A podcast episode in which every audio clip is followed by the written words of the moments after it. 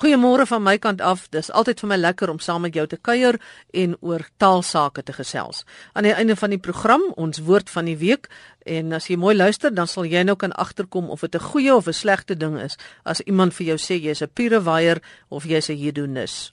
En nou gaan ek so ietsie sê oor die Engelse meervoud of navraag van 'n luisteraar gehad. Hoekom sê party mense the police is en ander mense sê the police are? Maar heel eerste 'n ander interessante opmerking van 'n luisteraar en dit gaan oor die uitspraak van Modimolle soos wat ek hom ken. Gordon Anderson sê hy vermoed die klem moet op die tweede lettergreep val. Met ander woorde Modimolle. As die naam so uitgespreek word, sê hy verneem hy dat die naam dan beteken die Here is hier. Professor Ernst Kutse, ons taaladviseur, is iemand wat baie studie gemaak het van die uitspraak van Afrika taal naamwoorde en pleknaamwoorde. Kom ons hoor wat sê Ernst vir ons. Die uh, uitspraak van die woord as jou bestaan uit vier lettergrepe altyd, jy weet of dit nou modimolle is, dit is nie modimol nie, maar ek dink wat hy voorstel is dat die klem op die tweede lettergreep kan kom met ander woorde modimolle, want die woord modimo beteken God of Here in uh, Noord-Sotho. En nou as hy nou die woord wil verklaar of ten minste die, die betekenis daarvan wil probeer agterkom dan stel hy voor dat hier 'n sinsmede is modimolle wat soos ek dit verstaan uit sy navraag beteken sou beteken die Here is hier. Maar daar is iets uh, verband met klem dink ek wat ons moet verstaan wat die inheemse swart tale betref. Ek glo nou in Guni en Fitu tale veral dat uh, daar nie 'n klem is wat onderskeid maak nie tussen tussen woorde, die betekenis van woorde nie. Die algemene reël is dat die tweede laaste lettergreep van 'n woord altyd langer uitgespreek word as die res. Ek kan miskien die woord boetelesi vir jou as 'n voorbeeld gee. Boetelesi, die die e van jy weet die tweede laaste klanke van die woord word langer uitgespreek. Maar dit is so dat daar soms klempatrone of klein uh, gepaard gaan met ander uitspraak kenmerke. Soos byvoorbeeld die th van boetelesi beteken eintlik dat dit met 'n asemstoot, 'n sterker asemstoot uitgespreek word. Met ander woorde mense mense sê boete lazy. Nou eh, sê sommige mense boete lazy, wat ook nie korrek is nie. Dit moet boete lazy wees. Weet die die, die tweede laaste letter gee altyd langer uitgespreek. Nou in die geval van Modi Molle sou uh, mense dus nie die klem kan verskuif nie omdat klem nie 'n faktor is eintlik die uitspraak van woorde en dit sit ook nie. Ek sien in die woordeboek van uh, professor Dani Prinsloo en kollegas van hom Krio en ander dat die woord modimolle die e aan die einde woord eintlik 'n kappie op te omdat die mense die e klank in Noord-Sotho like dit my altyd met 'n kappie moet skryf anders word dit uitgespreek as e jy weet soos medies of so. So eintlik dit as 'n sonder kappie uitgespreek of gespel word dan hoort die mense dit uit te spreek as modimolle. Maar kom ons ja. kyk nou wat sou dan nou die korrekte uitspraak wees? Ek weet daar's nou 3 daar's die modimol wat op die L uh, eindig die die die uitspraak dan's daar mense wat sê modimolle ja. En dan sa soos wie nou gesê het modimoli. Ja. Hier die middelste een is korrek modimolle want hy hy het in inderdaad 'n kappie op die op die laaste e. So mens kan die e nie weglaat die die laaste e nie weglaat nie. As nie uh, modimol uitspraak en dit modimolle dis dieselfde wat ons baie keer kry met uh, bila bila en bella bella Correct. Die korrekte een daar weer is bila bila. Ja, want daar's nie kappies op die e nie. Sien, as daar kappie is, dan is dit e. Dit is Afrikaans, jy weet met uh sien maar uh, kees of of le of so en so voort. So dit is uh, modimolle. Uh, nou wat betref die betekenis, ek het navraag gedoen by professor Prinsloo en hy het ook dit bevestig by sy kollega professor Jerry Mojalefe wat ook uh, professor is in Noord-City by die Universiteit van Pretoria. En dit is 'n interessante geskiedenis eintlik wat onderliggend is aan die naam Modimolle. Dit is eintlik beteken dat God het geneem of God het geëet, God het geëet. En die agtergrond geskiedenis van hierdie woord is dat daar mense is wat blykbaar die berg daar bestyg het en en dood gegaan het. En toe die mense na dit het gesê, dit God het geëet God het hulle laat sterf. Modimo kom wel voor die die woord God in Modimolle maar dan nie in die betekenis van is hier nie maar verlede tyd vorm van die woord uh, geëet. Dit is net weer terug gaan na wat die luisteraar gevra het. Die luisteraar se vraag was lyk dit vir my oor die klem op modi. Ja. Mole. Uh, wat ons is, die Here is hier wat nou 'n ander betekenis is as wat jy nou gesê het. Kyk, daar is in elk geval 'n klem of nie klem nie, maar uh modimo 'n 'n verlengde uitspraak van die i, modimo. Dit wat nou plaasgevind het uh, hier is dat daar net 'n uh, uitgang gevoeg is van 'n werkwoord aan die einde van die naamwoord modimo. So die, die byvoeging van die betekenis sê dit dis nie eintlik enigiets te doen met 'n verskuiwing van klem of selfs die die, die uh, lengte van die van die vokaal nie. Maar gewoon dat daar 'n woorddeel bygevoeg is wat beteken het geëet. Met ander woorde Gordon Anderson wat vir ons hierdie vraag gestuur het wat sê en ek gaan net weer die vraag herhaal. Die korrekte uitspraak van Nylstroom of Modimole Ek vermoed die klem moet op die tweede lettergreep val, dis die die. As die naam dan so uitgespreek word, verneem ek, dis nou wat Gordon sê, dat die naam ja. dan beteken die Here is hier. So hy het iets weet, dit gaan iets oor die Here of oor God. Ja, dis heeltemal korrek. Ek dink dat sou gebeur het as daar twee woorde was, modimo en dan mole, jy weet as 'n sonderlike woord, dan is dit heeltemal korrek dat jy eintlik met 'n sinsnede hier te doen het, soos wat hy dit ook voorstel maar dit is 'n samentrekking, jy weet, van 'n woord plus 'n woorddeel of jy weet 'n uitgang van 'n werkwoord. Kan nie sê modimole nie, maar uh modimole, juist omdat dit 'n enkele woord is met die verlengde lettergreep, die tweede laaste een. Jy weet daar is nie 'n moontlikheid dus dat mense sê modimole nie, maar modimole. Terwyl ons nou hieroor praat, dit is eintlik 'n onderwerp vir 'n ander dag, maar die uitspraak van eie name, dis nou persone se name of dan nou plekname. Geen ja. nogal vir mense 'n probleem. Ek kyk byvoorbeeld dan kry jy nou Angela Merkel van Duitsland. Is sy ja, nou ja. Angela, ja. is sy Angela, is sy Angela?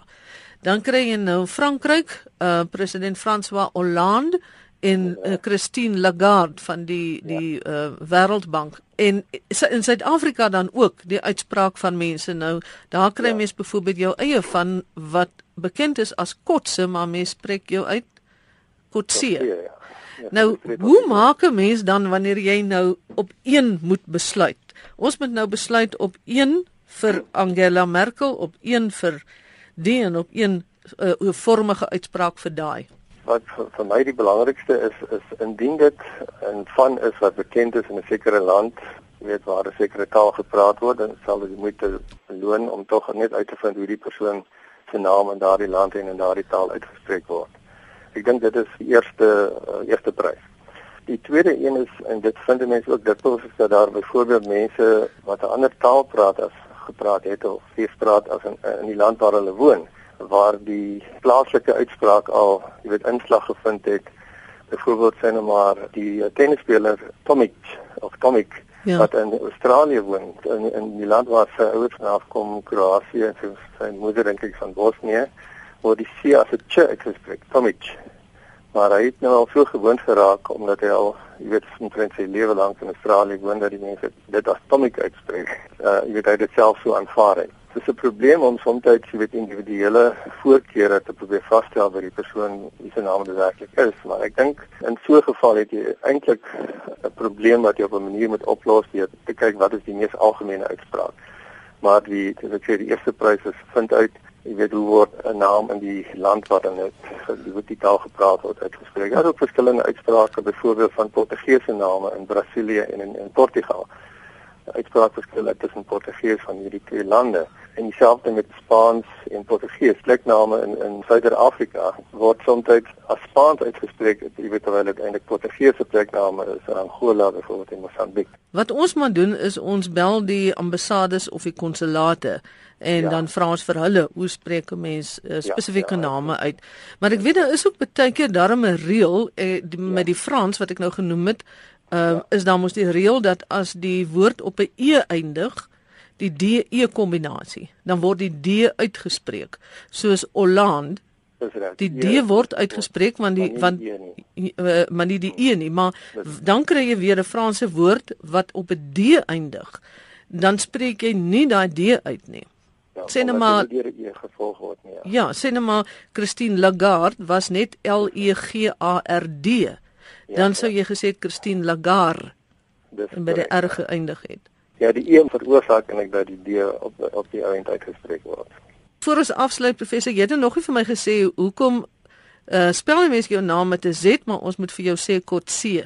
Ja, ek uh, vermoed dit is omdat dit van Duitse afsprong uh oorsprong is of herkoms en dit TZ word in, in Duits as as dit die S uitgespreek. So dit is nie kwessie van 'n S nie, maar 'n TS op die eind wat nie kort Z nie, maar kort C. het die akut iets daarmee te doen of die streepies soos ons sê wat vorentoe lê?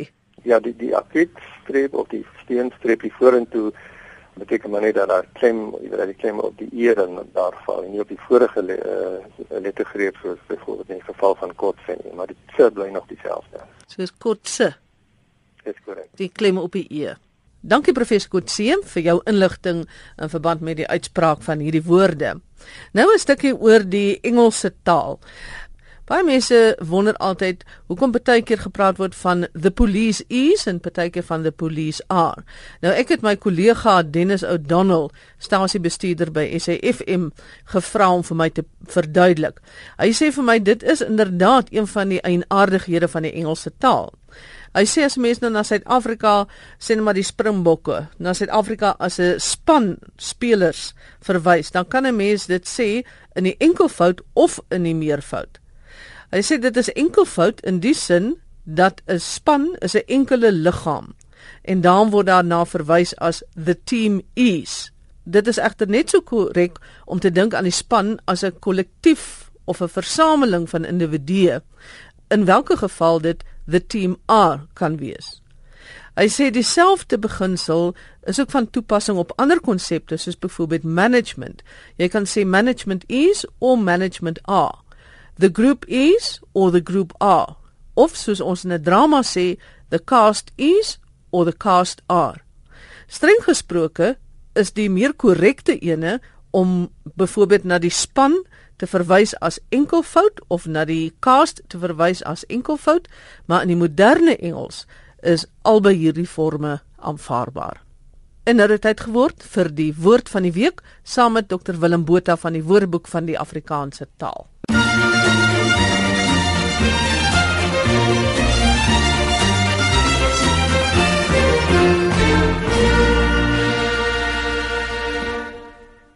Vanoggend praat ons oor Pierewaier en Hedonus.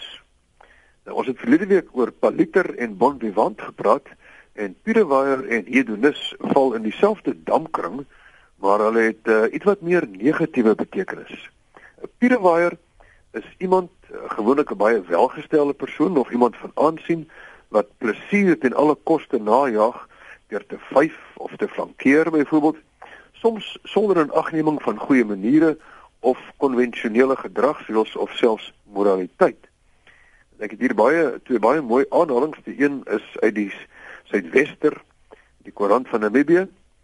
Professor B het homself verweer teen beweringe dat hy 'n pierewaier is en dat hy sy internasionale aansien misbruik om sy gewildheid by vroue te bevorder. En dan 'n aanhaling uit die huisgenoot van 1981. Almal het die prinses gewaarsku dat haar aanstaande maar net nog 'n pierewaier is. Nou ons het pierewaier gekry uit Nederlands, pierewaien wat in 1666 vir die eerste keer opgeteken is en dit was oorspronklik 'n uh, Nederlandse seemanswoord. En dit gaan nog verder terug na Russies, pirovat en pirovat beteken om te vyf. En dit is weer 'n afleiding van pier en pier is 'n feesmaal. So dit het van die begin af te doen gehad met feestelikheid en oordadigheid. Nou 'n hedonist is iemand wat ingestel is op individuele en onmiddellike behoeftebevrediging, hoofsaaklik sy sinnelike genot. So dit gaan oor die bevrediging van jou sintuie. En uh, hedonist kan teruggeneem word na die Grieks hedone wat genot beteken het. Nou ek wil weer graag ietsie sê oor borgewoord. Die mense neem pragtig deel en ek kan sê dat Kwela van van Kyknet het sopas die woord Kwela eksklusief vir R5000 geborg en dit is nadat Dion Meyer op Kwela verskyn het as beskermheer van borgewoord. Hoe neem mense deel? Enige iemand kan enige Afrikaanse woord borg vir R100 en dan ontvang hy 'n sertifikaat met sy naam en die woord of die woorde wat hy geborg het. Teen R5000 word daardie woord net aan jou en mag niemand anders dit borg nie. Die WAT word volgende jaar 90 jaar oud en uh, dan ons vier dit onder andere met 'n borgewoord bonusjaar. Daarom is daar vir jaar twee deelnemers wat elkeen 'n Sanlamprys van R25000 kan wen. En vir elke woord wat jy borg, kry jy 6 maande gratis toegang tot die aanlyn WAT en as jy 'n woord vir R5000 borg, kry jy 5 jaar gratis toegang. So wat moet jy doen? Jy gaan na ons webtuiste by www.wat.co.za wat kosa of jy skakel ons by 021 87313 of skryf vir ons 'n e-pos na wat@sun die Engelse sun.ac.za. Maar Kwela wat deur Kwela geborg is, is self 'n interessante woord. Dit kom uit Zulu of Khoza en dit beteken opklim. En die dans is 'n geïmproviseerde rukkerige dans wat gekenmerk word deur die optel van die voete, min of meer soos iemand uh, wat trappe klim. So dit lyk amper soos iemand wat trappe klim, maar dit gaan dan terug na die oorspronklike Zulu en Khoza wat beteken opklim.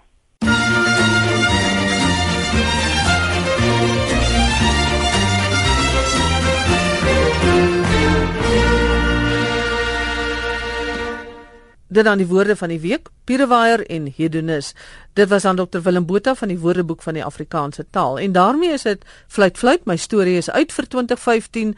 Dankie dat jy altyd saam met my gekuier het by die tale wat ons praat en volgende jaar maak ons weer so.